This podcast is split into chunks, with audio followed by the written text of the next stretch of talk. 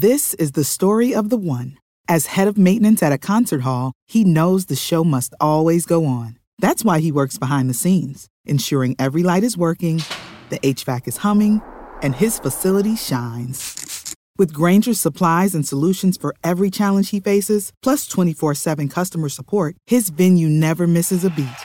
Call quickgranger.com or just stop by. Granger, for the ones who get it done. When you need mealtime inspiration, it's worth shopping Kroger, where you'll find over 30,000 mouthwatering choices that excite your inner foodie. And no matter what tasty choice you make, you'll enjoy our everyday low prices, plus extra ways to save, like digital coupons worth over $600 each week. You can also save up to $1 off per gallon at the pump with fuel points. More savings and more inspiring flavors make shopping Kroger worth it every time. Kroger, fresh for everyone. Fuel restrictions apply. Du lytter til Overskudd med Even og Johannes. All right, Johannes. Vi er tilbake. Vi er tilbake. Åssen har uka vært?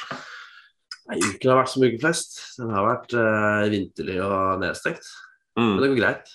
Ja, Det går greit, Lever ennå. markedet har falt litt. Markedet har falt litt. Det har vært en turbulent uke. Ja, det er kanskje, kanskje starten på et eh, turbulent år. Vi får se. Vi får se. Mm. Men det er kanskje sunt òg. Ja, det, det håper jeg. Eh, det, er jo, nei, det er jo veldig vanskelig, og vi, vi kommer jo med litt sånn krass advarsel om at eh, ja, det er lenge siden en resesjon. Det er ikke sikkert det kommer i år, men det er, eh, det er, det er på en måte enkelte tegn på horisonten som man burde følge med på. Ja. Og, og det har jo kanskje uken også bevist at renteoppgang som man, og mindre, skal vi si, mindre støttekjøp av Fed, man går jo tilbake på det, det kan det kan jo være noe man må følge ned med på den neste tiden framover. Ja. Um, men for podkasten selv Så er det er også vi spennende. ja, ja, for vi tenker jo å gå litt tilbake til eh, røttene våre. da. At vi skal eh, kommunisere med de nye i markedet. De som, de som ikke vet hvor de skal starte helt. Um, De nyfikne. ja, det er, jo, det er jo fortsatt en del av de. Det har jo vært mange siste året. Og eh, Hun investerer. ja, det er det òg. Mange damer. Og det har kommet stadig nye småaksjonærer inn, inn i markedet nå. Det ser man jo fra, fra ferske tall. Og det trenger ikke bare å være håper jeg, innen investering heller. Det kan være bare å være litt mer på alerten. Mm, ikke sant. Så i den kontekst så har vi med en, en, en som kan si å være ganske ny i markedet. Det er nemlig deg, Arthur. Velkommen. Mm. Jo, takk for det. Takk for det. Jeg er helt fersk. Helt fersk. Jeg er, eh, jeg er som dratt ut av havet for en time siden, liksom. Jeg har ingen, eh, Det er ingen Salma, kunnskap. Salma Så laks du har liksom pakket og klargjort på i løpet av fem timer opplegg. Nei, jeg, har- jeg har hørt at uh, Hørt at fond er bra, liksom. Det Ja, men det er, Ikke sant.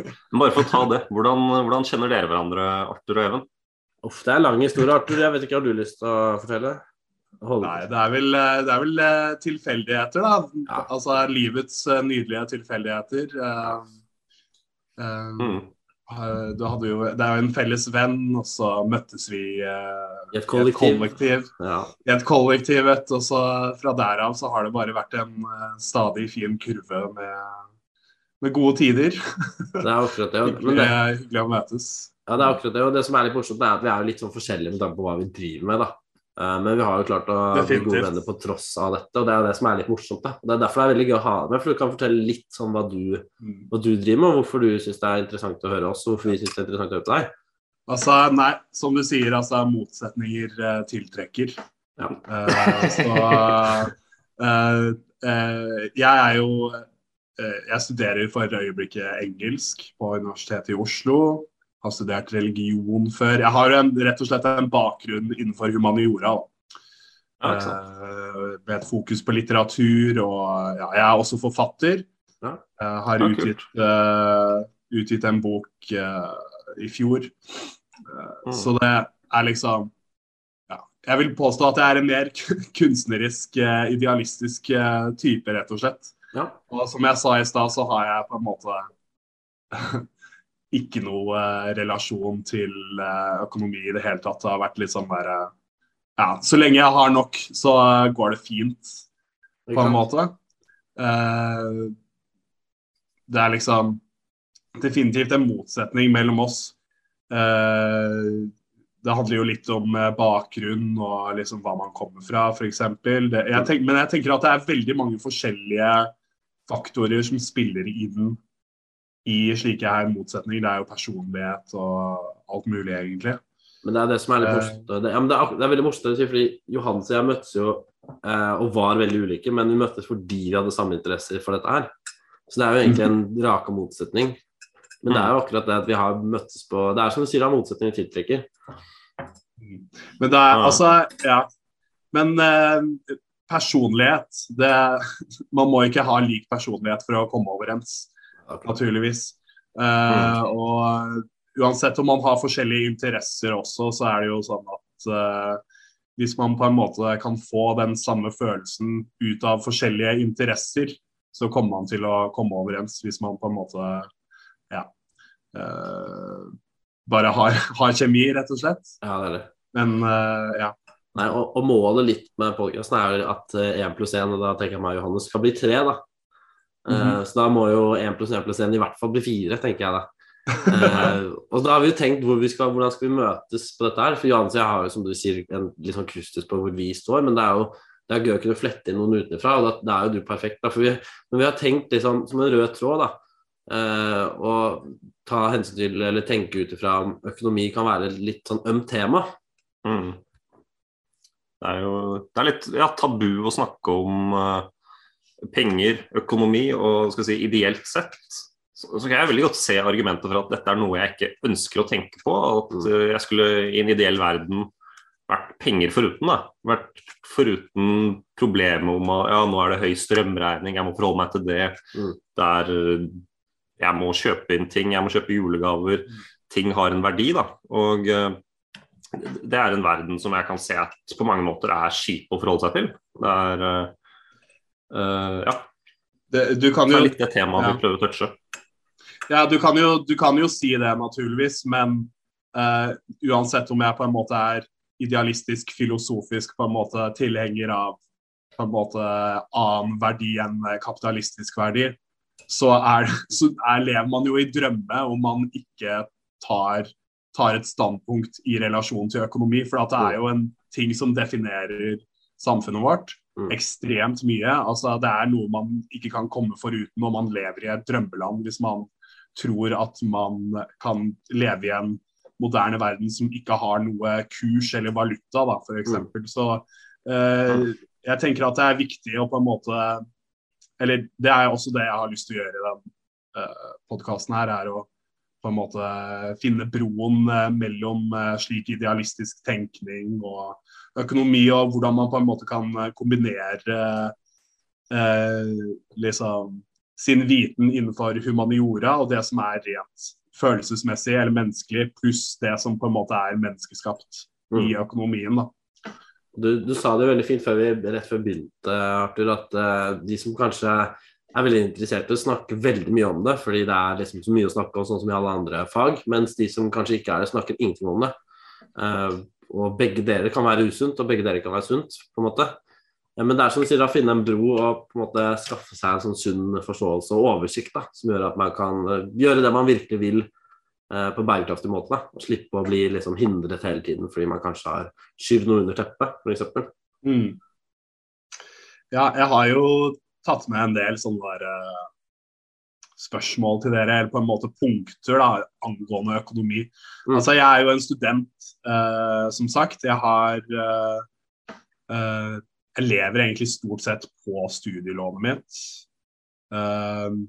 Og det er liksom Det jeg tenker da, er sånn no, Noe av det for mange kanskje studenter som er på en måte utenfor hele den verden her av økonomisk eh, satsing og på en måte aksjer og følge med på markedet, OSV.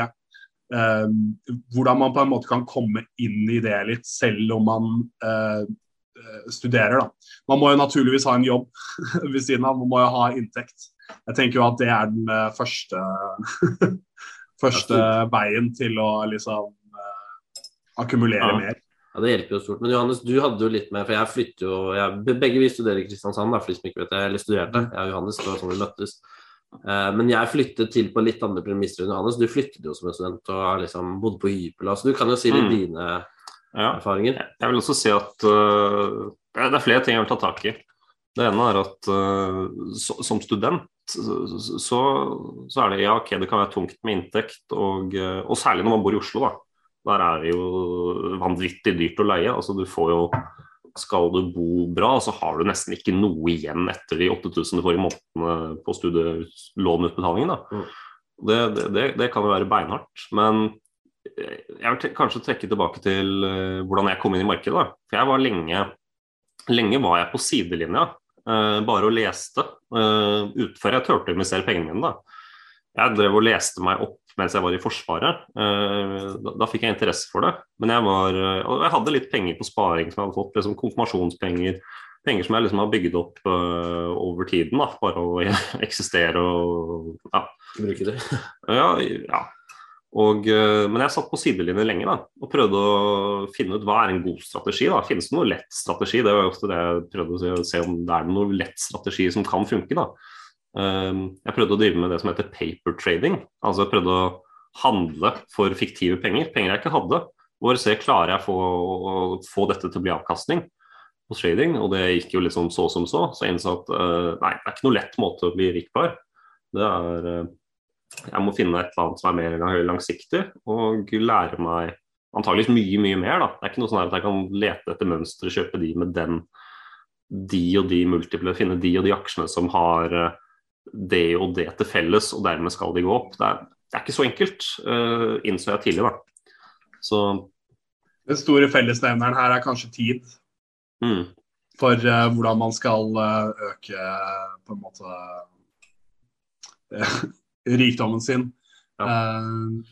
Og også som student så har man kanskje ikke muligheten til å drive og investere så mye Ja. som du sier. Altså, hva er det jeg, betaler? jeg betaler vel 7000 uh, alt i alt med leie og, um, og, og strøm Mm. her jeg bor nå. Og det er jo liksom Det går jo ikke an å leve på 1500 kroner eller hva faen i, eh, i, i måneden. Nei, Så man må jo ha jobb ved siden av. Um, men jeg, altså det jeg har klart å gjøre, er jo å investere i indeksfond. Hmm. Og det er jo veldig Og det er jo liksom hvis, du, hvis det er én ting du skal gjøre, så er liksom Så kommer du utrolig langt bare på det.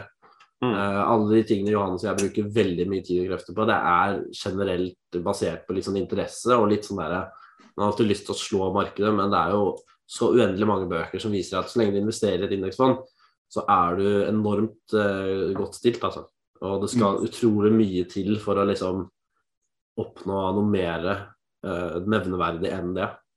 Um, det blir nesten tilfeldig da, hvis du ikke er veldig veldig dedikert. Da. Ja, jeg er veldig enig. Eh, så det er en veldig god ting, da.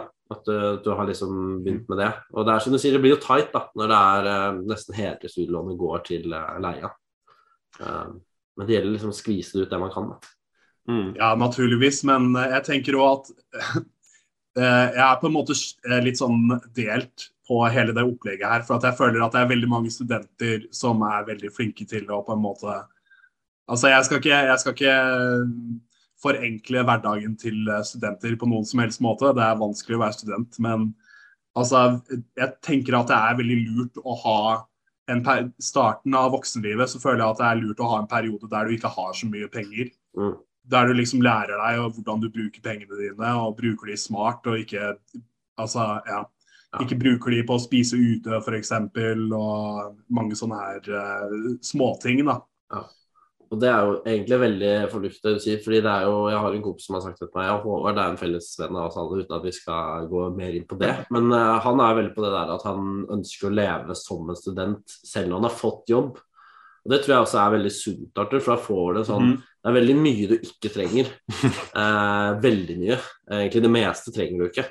Av det man kanskje venner seg til. Og det er når du først venner deg til en viss uh, livsstil, da, eller et visst forbruksmønster, så er det Mhm. veldig vanskelig å gå tilbake fra det.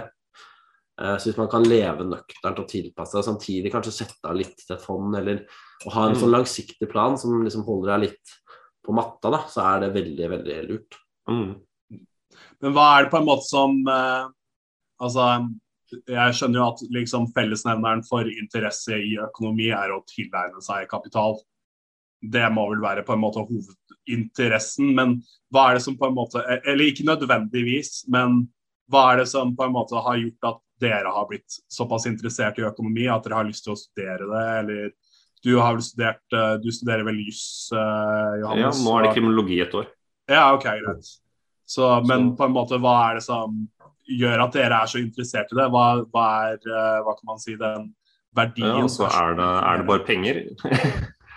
Nei, altså, det er vanskelig å si, men, men, når det kommer til kapital, så er jeg enig med deg. Men kapital tar jo flere former. Det er mye det der Kapital er noe du bygger hele tiden i hodet, f.eks. Kunnskap, uansett mm -hmm. hva det er.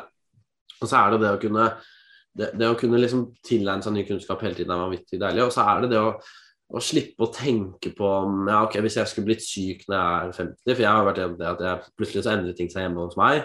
Eh, mm. Hvor ting ikke går som man planlegger. Og, og ting kan snu veldig fort. da og det å hele tiden vite at hvis det skulle skje, så har jeg en backup som passer på meg, det gjør at du kan leve mye mer fritt med det du faktisk vil gjøre. Da. Fordi det er ikke sånn at Johannes og jeg har lyst til å sitte og hele tiden lese om økonomi bare, bare for, det, for den saks skyld. Vi har andre ting vi syns er kjempegøy også.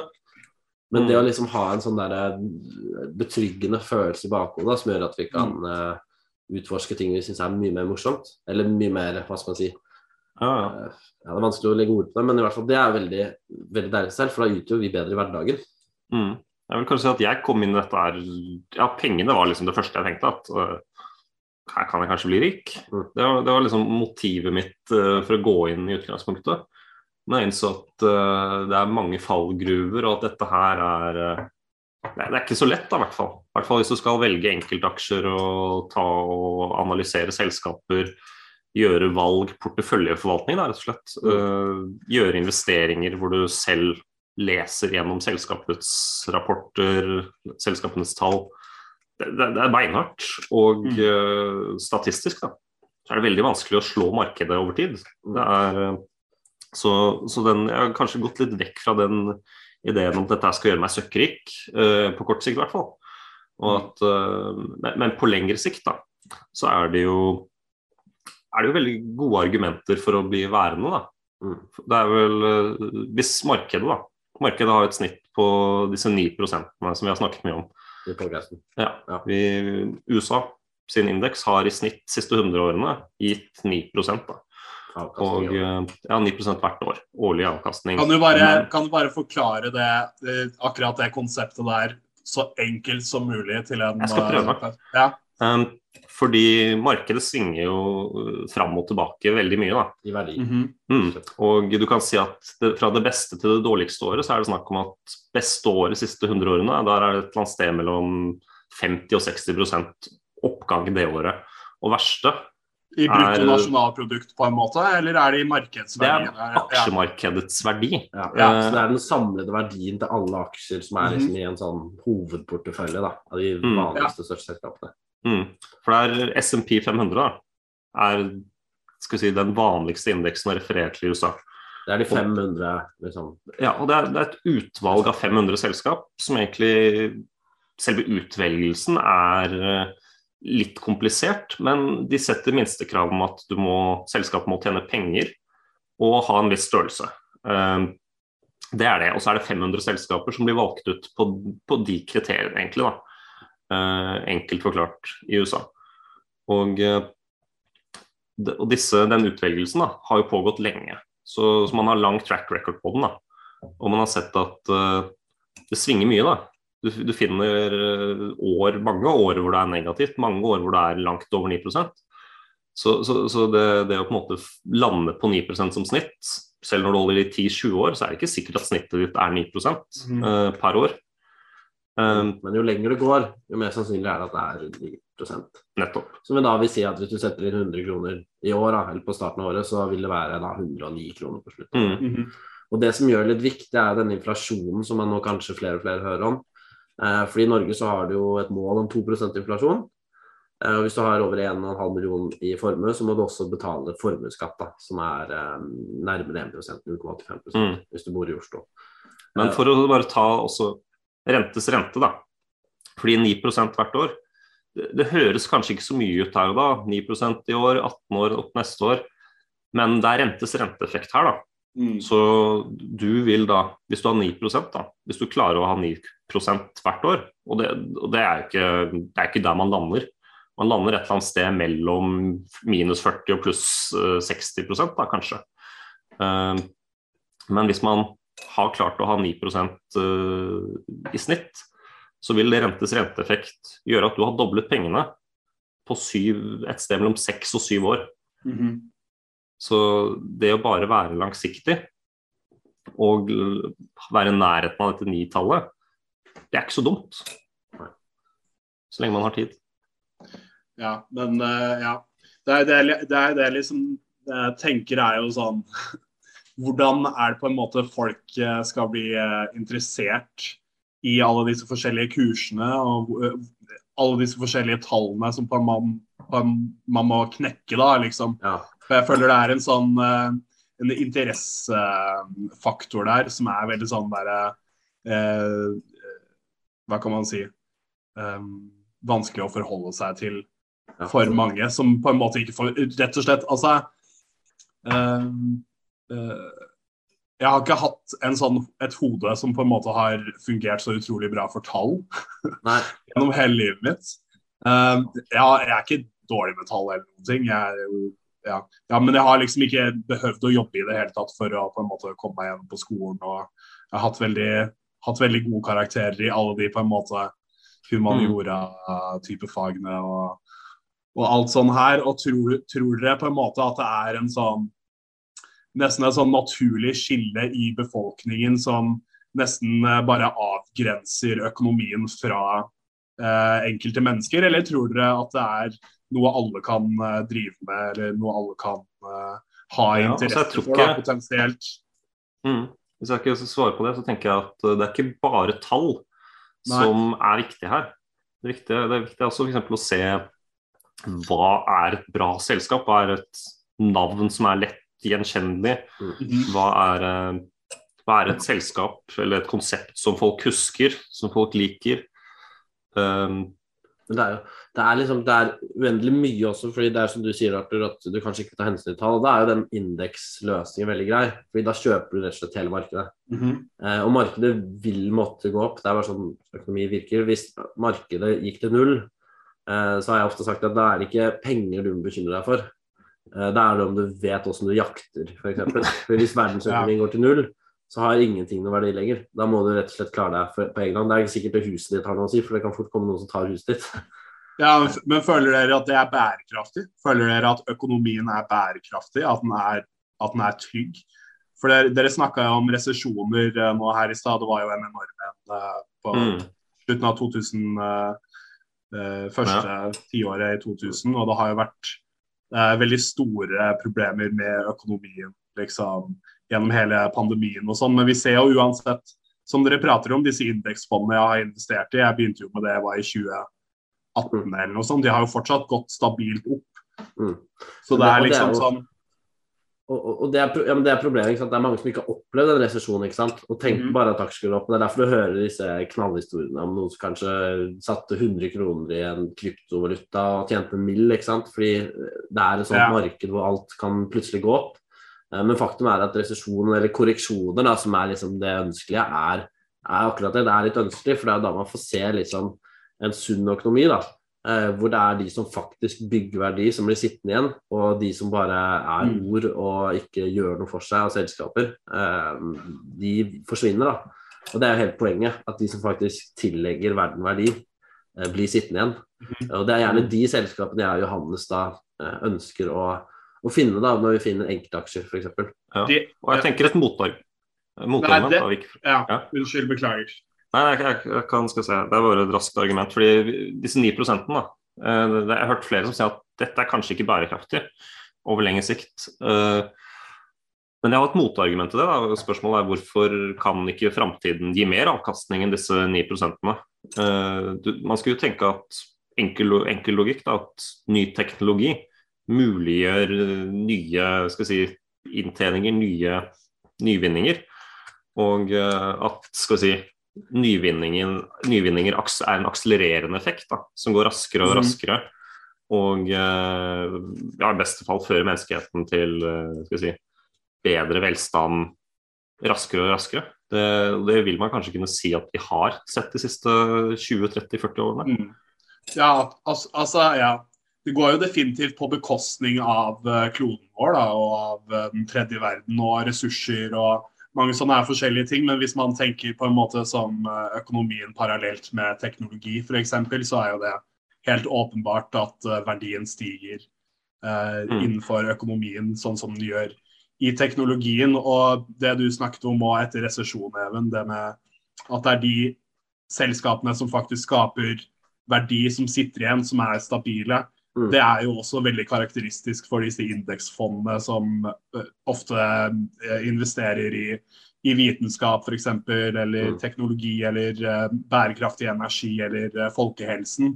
Så jeg tenker jo at det er viktig å på en måte eller jeg føler at hvis man med min bakgrunn, en humaniora-bakgrunn, skal være med i økonomien, så føler jeg at man definitivt kan støtte eh, selskaper og aksjer og fond som gjør verden veldig godt. Mm. Det er jo noe som er helt solklart, er at god, god, eh, god politikk f.eks., eller eh, framoverrettede, progressive um, uh, saker trenger å bli støttet av penger for å på en måte få gjennomslag.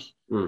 Og Det er jo noe vi, vi, borgere på en måte må gjøre, da, tenker jeg iallfall. Og, og det er det som er stille med sånne aktører som oljefond f.eks. Og så leser man om at Røkke prøver å hente 1000 milliarder kroner for å lage sitt egen variasjon.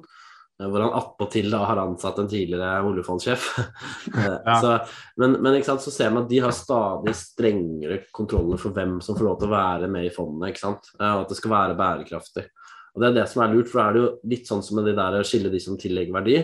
Man fremmer de da som ikke bare tillegger verdi, men også som har en bærekraftig modell, og som ikke lar det gå utover miljøet, f.eks. Mm. Uh, og det er veldig flott at man liksom på en måte fremmer disse, fordi det er jo forskningspapirer som viser det at um, selskap som er mer bærekraftige sånn rent miljømessig, de får en fordel over på en måte konkurrentene sine, da, og at de vil tillegge mer avkastning. Og investorer vil jo naturligvis um, uansett ha mest mulig avkastning. Så det blir sånn sunn sirkel, da, hvor da disse mest bærekraftige på en måte blir uh, hoiet frem. Gitt at de da klarer selvfølgelig å tillegge verdi da, og er liksom et sunt selskap. For Hvis det ikke er et sunt selskap, så er det jo, så er det på en måte, så virker jo ikke det heller. Mm. Um, men de bærekraftige selskapene vil ofte vinne frem, da. Altså, Jeg vet jo om uh, enkelte innenfor uh, mine sirkler hva angår When you need mealtime inspiration, it's worth shopping Kroger, where you'll find over 30,000 mouthwatering choices that excite your inner foodie. And no matter what tasty choice you make, you'll enjoy our everyday low prices, plus extra ways to save, like digital coupons worth over $600 each week. You can also save up to $1 off per gallon at the pump with fuel points. More savings and more inspiring flavors make shopping Kroger worth it every time. Kroger, fresh for everyone. Fuel restrictions apply. Save big on brunch for mom, all in the Kroger app. Get half gallons of delicious Kroger milk for 129 each, then get flavorful Tyson natural boneless chicken breasts for 249 a pound, all with your card and a digital coupon. Shop these deals at your local Kroger today or tap the screen now to download the Kroger app to save big today. Kroger, fresh for everyone. Prices and product availability subject to change. Restrictions apply. See site for details.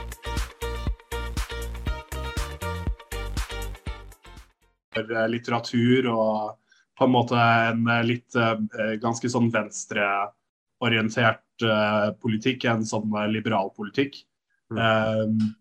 De vil jo ofte si på en måte at disse selskapene som investerer bærekraftig, ikke hjelper, for at de bare gjør det ut av økonomisk vinning. Mm. Men det syns jeg jo på en måte er litt sånn Jeg syns det er litt for kynisk, for at man må jo Jeg tenker at eh, hvis det er en positiv, eh, positiv utvikling for markedet mm. eh, ved at det er noen som investerer. Selv om de bare gjør det for å tjene mer, så har det fortsatt positive konsekvenser for resten av verden. da. Mm. Så, Ikke for å bli for politisk, men jeg tenker også at markedsmekanismene kan innstilles til å jobbe for miljøet. Mm. Um, men det er ganske vanskelig. Det er ganske mm. komplisert. Uh, jeg vet ikke om du har fulgt med på EUs eh, e politikk. da. Men de Ja, ja, det er, det er, et, eh, det er et rot, for å si det Mm, sånn. Det mye- taksonomi, er- da. Og spørsmål f.eks. For forhold til gass. Gass er et mye bedre alternativ enn kull, men det er fortsatt gass. Det er fortsatt uh, noe forurensende. Mm. Uh, så, så, så, sånne reguleringer og Det er veldig som direkte vanskelig. virker Ja. på økonomi. Beklager, det er veldig vanskelig å vite hva som faktisk hjelper miljøet, og hva slags satsing faktisk hjelper. Det er veldig Ja, det er, Mm. eh, det er, mye, det er mye prat om å investere bærekraftig, men uh, altså, hvordan gjøre det? Det er, eh, det er et sammensurium av ting. Det er et stort byråkrati man må gjennom, og det er, eh, ja, det er veldig komplisert. Så det, ja, og det, men, det, og som- men det som er så greit, er at hvis kapitalismen får lov til å virke sånn som den skal, da, så blir disse som på en måte bare er ord og ljuger, og de blir liksom på en måte eh, et offer for seg selv. Så når man sitter igjen med disse sunne, disse sunne aktørene til slutt, da, hvis ting virker som det skal. Eh, for det er det som er kapitalismen kan være jævla brutal mot de som, som på en måte ikke bidrar med noe. Eh, Men det er jo det hele spørsmålet, da. Hvordan få den til å virke mest mulig som den burde, da, og ikke hele tiden Man leser jo om disse selskapene som blir reddet inn og ut og inn og ut, og på en måte aldri rekker å tillegge seg noe særlig verdi, i og med at det egentlig ikke er noe særlig verdi. Mm. Du kan si at du vil aldri, ja, du vil aldri finne selskaper som er vedledighet, da, som, som ja, bare lager miljøvennlige produkter som, som vedledighet. Det, det, det tror jeg ikke vi, vi får sett. Altså, du, du får kanskje sett at store selskaper lager vedledige prosjekter ved siden av. For å på en måte, ja, Motivet der er kanskje i utgangspunktet å liksom, tiltrekke seg positiv oppmerksomhet, positiv PR. Men i og for seg selv så, så vil jeg si at politikernes oppgave det, det må være å gjøre virksomheter som er grønne, lønnsomme. da. La det lønne seg å tenke på klima. Det enkelt og greit, og det er komplisert, rett og slett. Så det, det har jo blitt en veldig ja, eh, Vi har på en måte kommet litt bort fra dette her med studenttilværelsen og økonomi. Ja, og vi. men, jeg, men jeg syns det, det er interessant å ha en, eh, på en, måte en filosofisk eh, diskusjon om eh, markedets natur. Da, fordi at eh, altså det er eh, Jeg tenker det er viktig at uh, humaniora deltar i den debatten, og at man ikke blir stående på siden uten eh, annet enn å bare liksom si nei, det her er feil, eller uh, hva søren. Mm. Uh, men jeg har jo på en måte en sånn oppfatning av at Hva kan man si? At kapitalismen hjelper de som har. De som Mm. ikke har, på en måte De blir eh, lagt igjen i, i, eh, i renna, rett og slett. ja. Jeg vil, jeg vil for eksempel ta, ta, trekke fram et eksempel. da, for å si, og Det er ikke sikkert dette er et godt eksempel, men selskapet Ørsted da, kan sammenlignes med det Equinor var, eller er, i dag. Men de, som Equinor var, men de var det bare for eh, fire-fem år siden. da. Og de har omstilt seg helt på, på bare vindkraft nå. da. Og eh, siste, de solgte sin siste post i oljevirksomhet på et punkt. Og det var et veldig vendingspunkt for aksjekursen. da. Eh, de neste fire-fem årene så har de gått fra eh, 200 danske kroner til ja, de var jo over godt over 1000 på et punkt. Og nå har de falt tilbake til rundt 700 i dag, da.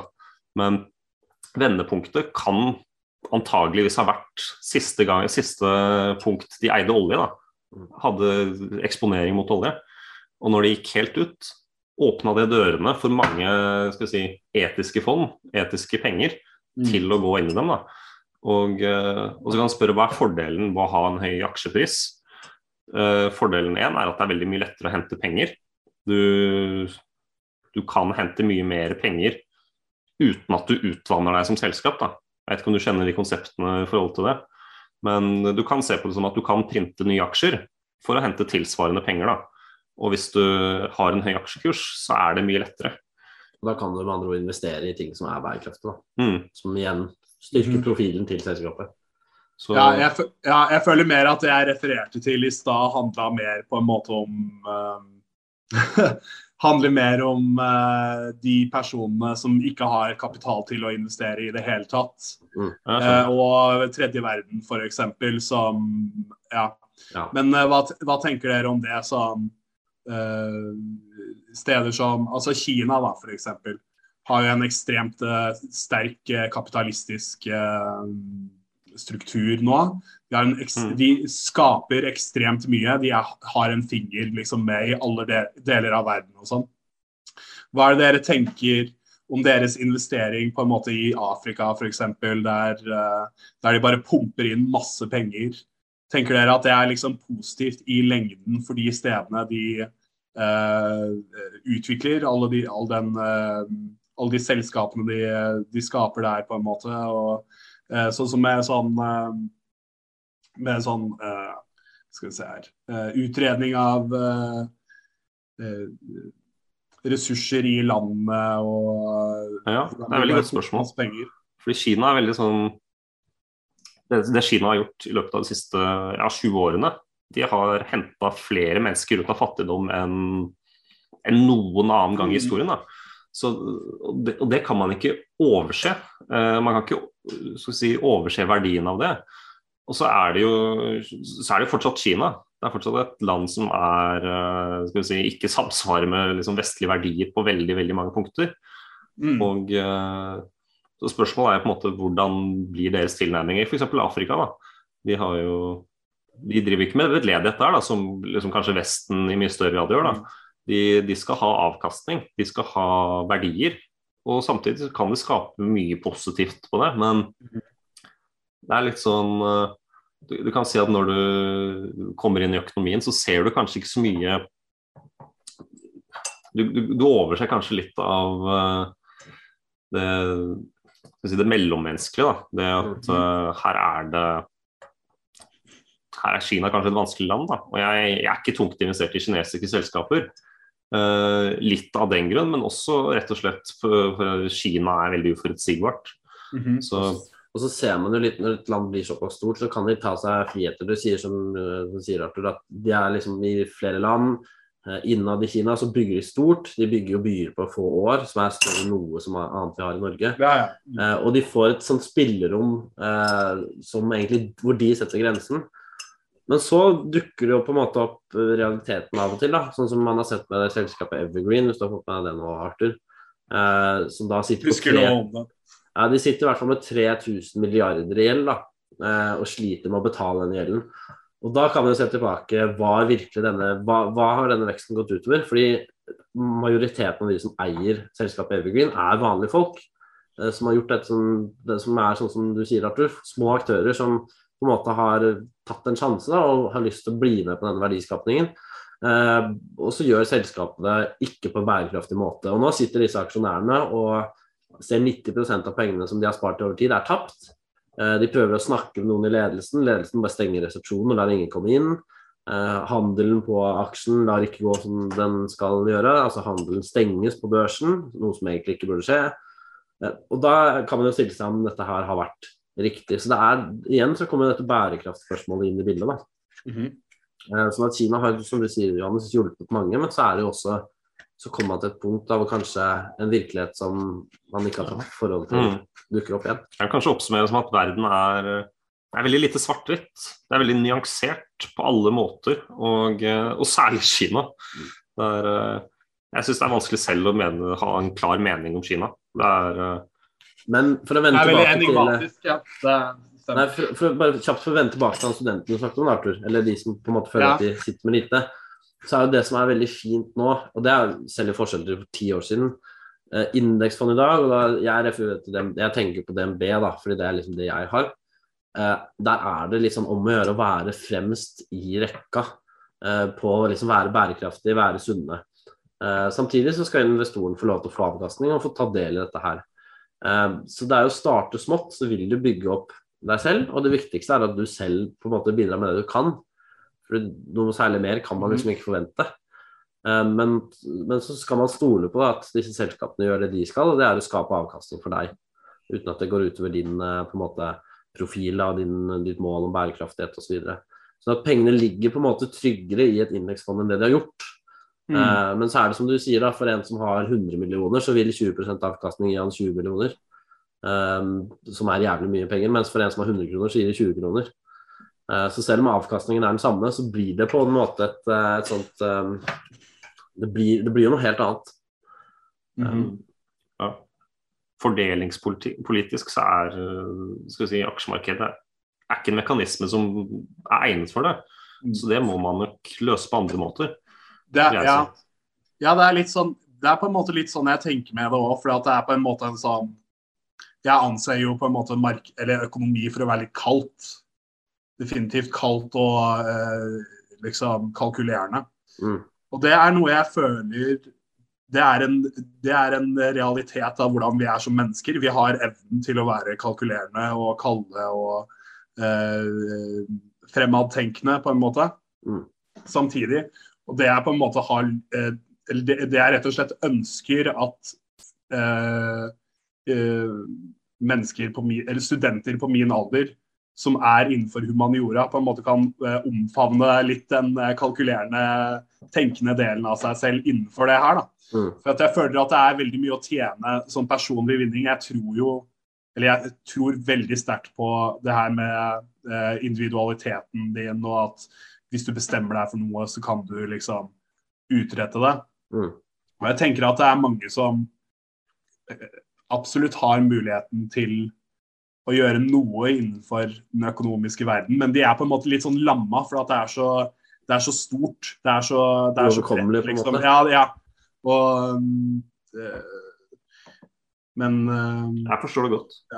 men, Sånn. eh, men har dere liksom noen sånn der, helt nybegynnertips? Sånn hva er det man burde liksom Ikke Altså- nødvendigvis lese, eller på en måte en, en eller Skal annen jeg, skal jeg ta Jeg har noen ideer i forhold til det. At uh, jeg vil anse aksjemarkedet som, en, som et sted hvor du kan gjøre veldig mye forskjellig. Du kan, det kan være et Las Vegas-kasino hvor det er forskjellige liksom, lodd, og du kan spille blackjack tilsvarende. Du kan, kan ta skyhøy risiko. Du kan liksom, tidoble pengene dine på noen måneder hvis du tar skyhøy risiko, og så kan du tape alt. Noe mer. Mm. Så, så, så det å Måten man på en måte vet hva man gjør, det er liksom Lær deg å identifisere risiko, da. Lær deg hva er en risikabel tilnærming. F.eks. Ja, jeg holder to forskjellige aksjer, ingen av dem tjener penger. Risikabel tilnærming. Mens ellers så er det kanskje jeg eier 15-10 forskjellige aksjer. Eh, Jeg har analysert alle godt. De fleste av dem har eh, positiv inntjening. De er i vekst samtidig. Um, litt tryggere tilnærming, da. Så, så generelt få uh, Sett deg klart hva vil du med aksjemarkedet, da. Altså For all del, om du vil eh, dra til Las Vegas, så er liksom det Aksjemarkedet funker veldig greit. Du kan ha det gøy i aksjemarkedet hvis du bare lar spenningen. Ja, ja for, Eh, men- men, føler dere Ja. Altså, nei, hvis jeg skulle, altså For å komme med et sånt eh, klassisk sitat da, eh, fra Warren Buffett Et stort tre er jo resultatet av at noen plantet et frø for veldig lenge siden. Mhm. Eh, og det er jo litt det der med at du må jo starte, det er det første. Så lenge du starter, så vil du etter hvert få en interesse. Med, med mindre du da starter Det var litt sånn joke, da. Eh, når hun investerte, var liksom, gikk på TV-en som mest, så var dette da to måneder før, eller én måned før koronanedgangen, da. Eh, så det var ikke en veldig sånn hyggelig eh, begynnelse for mange damer som investerte i den perioden der. Eh, men igjen, nå har de fått penger tilbake da. Men, men det som er, er at du må starte. Og da er det mange ting du kan gjøre. Du kan jo høre på podcasten, og du kan begynne å lese. og Det er spesielt én bok som er liksom kjent for å være Bibelen, og det er The Intelligent Investor av Benjamin Graham. Der lærer du rett og slett små ting som er veldig betydningsfulle. Blant annet hvordan du skiller liksom bullshitet fra, fra den ekte verdien. da. Eh, Så Ja. Det vil jeg anbefale. Og så er det dette her med at man er så heldig at man får penger på et fast tidspunkt, og så er det jo varierer selvfølgelig hvor mye man får. Men det å kunne sette inn en viss sum, eller det du kan, med jevne mellomrom, gjør at du ikke trenger å forholde deg til oppgang og nedgang. Eh, og da får du en plan som er lett å følge. Så hvis du bare setter deg en plan og følger den, så vil du sakte, men sikkert se da, at det går liksom i din favør. Og langsiktighet er jo, som vi sier da, alltid, alltid greia her. Altså vi sitter og tenker på at de pengene jeg og Johannes sparer nå, skal vi ikke bruke nå, eller om fem år, eller ti år, eller 20 år, hvis vi er så heldige å leve så lenge. Eh, Det er penger som skal stå lenge, lenge, lenge. lenge, Og da blir plutselig da blir det noe helt annet da, enn bare å tenke at man ikke er rik i dag. Jeg tror du skal være fornøyd om du, om du blir 30, Even. Det er akkurat, det er akkurat det, da. Så målet mitt er i hvert fall at jeg har klart å gjøre noen fornuftige investeringer innen den tid, da, så jeg har noe å vise til. Ja, ja. Nei, men, men det er jo litt sånn, sånn Ja, du, du sier ja, man skal lage seg en plan og, og sånn, men eh, hva er den planen, da? Hva går den planen ut på, liksom? Altså, ja, jeg skal lage meg en plan innenfor økonomisk eh, investering. Mm. Altså, det er jo gresk for, eh, for eh, mange folk.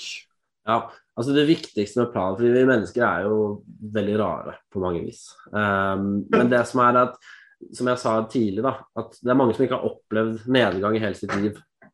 Um, og da er det en ting å sitte på et indeksfond, men en annen ting er på en måte å plassere alltid en aksje du liker fordi du liker navnet Og da vil jo en plan være veldig viktig. fordi den gjør, Hvis du avviker fra den planen, så må du på en måte ta et lite oppgjør med deg selv. Så en plan er egentlig bare der for å støtte eh, på en måte det du vet at du kan sette av, og bare holde deg litt på matta. Da. Det er egentlig det planen gjør. Bortsett fra det, så er det mye andre ting. Ja, for jeg tenker det med planen, det var jo valg av risiko, da. Mm. Drar du på kasino, eller drar du på en langsiktig reise som, som går sakte, men sikkert bygger seg opp? da? Altså Planter du tre, eller drar du på kasino? Mm. Og, eh, og så kan du si ja, det, det er litt vagt. Det er litt, hva, hva vil det faktisk si å plante et tre? da? Og det er kanskje å ta og les deg opp. Finn etablerte selskaper. altså Vi har jo begrepet blue chip-aksjer. da. Mm. Aksjer det er et begrep som man bruker for aksjer som, har, eh, som er kommet opp på et visst nivå. Som er selskaper som er etablert. De kommer ikke til å forsvinne. Eh, og i en vanlig verden så, så vil de fortsette å eksistere. Og ved at man fortsetter å eksistere på samme plan, på samme måte, så vil man nærme seg disse kanskje 9 avkastningstallene. Mm. Så for å på en måte skal vi si, finne sine aksjer, da, så kan du si at jeg vil kanskje ha fem aksjer som er veldig trygge, som er veldig, veldig sakte. Ikke så mye vekst i dem, men veldig stabile. Kan ikke se for meg en verden uten dem, da, kanskje. Mm. Så kan du finne fem selskaper til. Litt mer risikable, litt mer vekst. Litt mer Disse kan kanskje være liksom være noe i framtiden som det ikke er i dag, da. Så Jeg tenker Disney er med en gang. hva sa du? Jeg tenker Disney med en gang. Jeg bare tenker at det er liksom en supertrygg aksje. å Ja, det, i. det vil jeg si. Ja. Det, de har eksistert veldig lenge og ansett som en trygg, trygg havn. Og de finner kontinuerlig nye på en måte inntektskilder. nye tilegner seg mer. Ja, men, ikke sant? men der kommer det inn de tilegner seg kunnskap på samme vis. da. De sitter på, de vet hvordan de lager underholdning, samtidig så vet de hvordan de gir en familie en perfekt dag i fornøyelsesparken sin. Um, altså Nå har jeg vært i Disney, og jeg mente det var veldig veldig, veldig, veldig, veldig mye folk der, da. Men, uh, men merkenavnet. ja, merkene. Så det er, så det er, og det er, veldig, det er en sunn ting, da. Å kunne hele tiden se disse mulighetene. Og Det er sånne ting man kan få ved å ha en plan. At kanskje det er det du har lyst til å få ut. Du har ikke bare lyst til å Mm. skaffe deg en sånn buffer som kan redde deg når du eventuelt blir dårlig eller Ja. gi deg en god pensjon, men du kan også lære deg mye underveis. da. Så det er litt Mm. sånn, Du må bestemme deg litt på forhånd hva du prøver å oppnå. Vil du Mm. gamble og ha det gøy, som koster penger, som Johanne sier, eller vil du virkelig eh, go in it for the long run? Mm.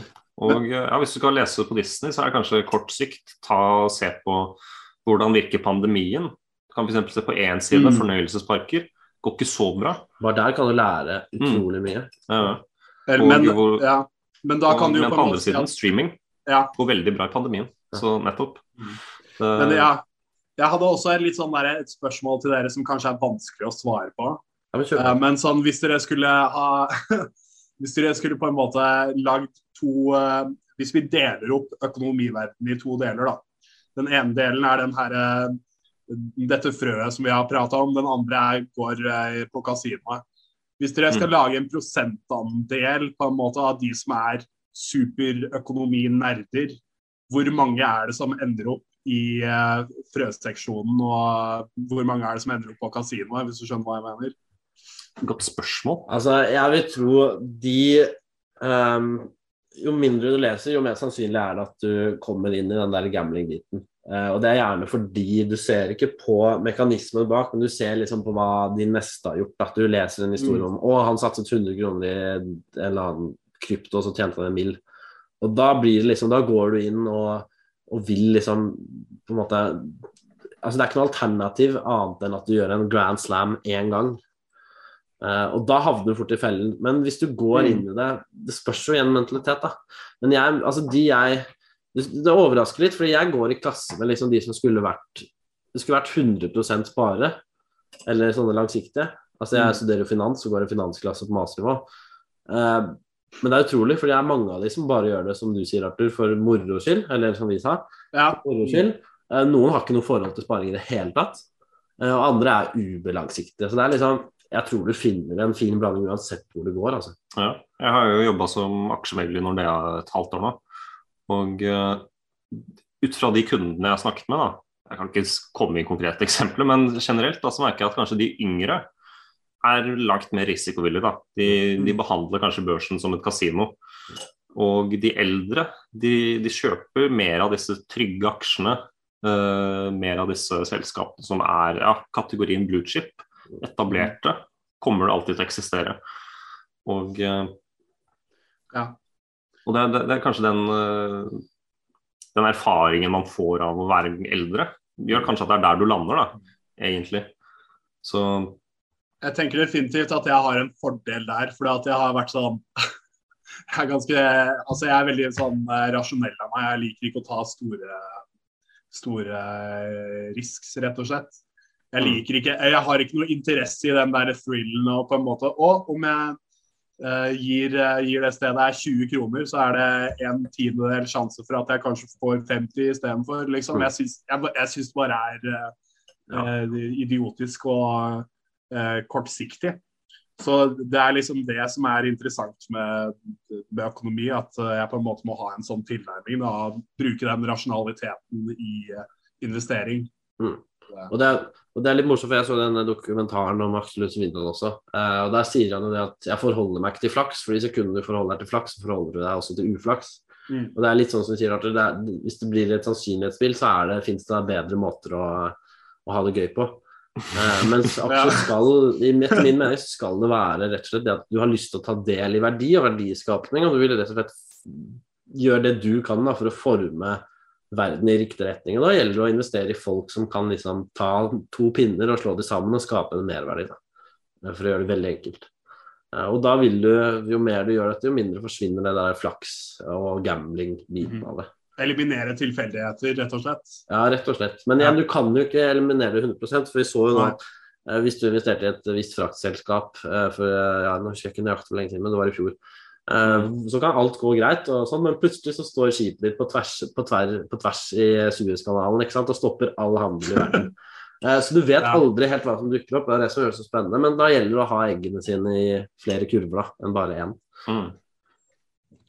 Og det, det begrepet er jo også sånn Hva betyr faktisk det, da? Vi har jo snakket om det tidligere, men det der med egget Det, det er jo et veldig nybegynnertips. Um, så jeg, jeg tenker eh, for- Forstå diversifisering. Da. Forstå at ok, du har ti forskjellige aksjer, men alle driver med liksom en eller annen veldig spesiell type medisin.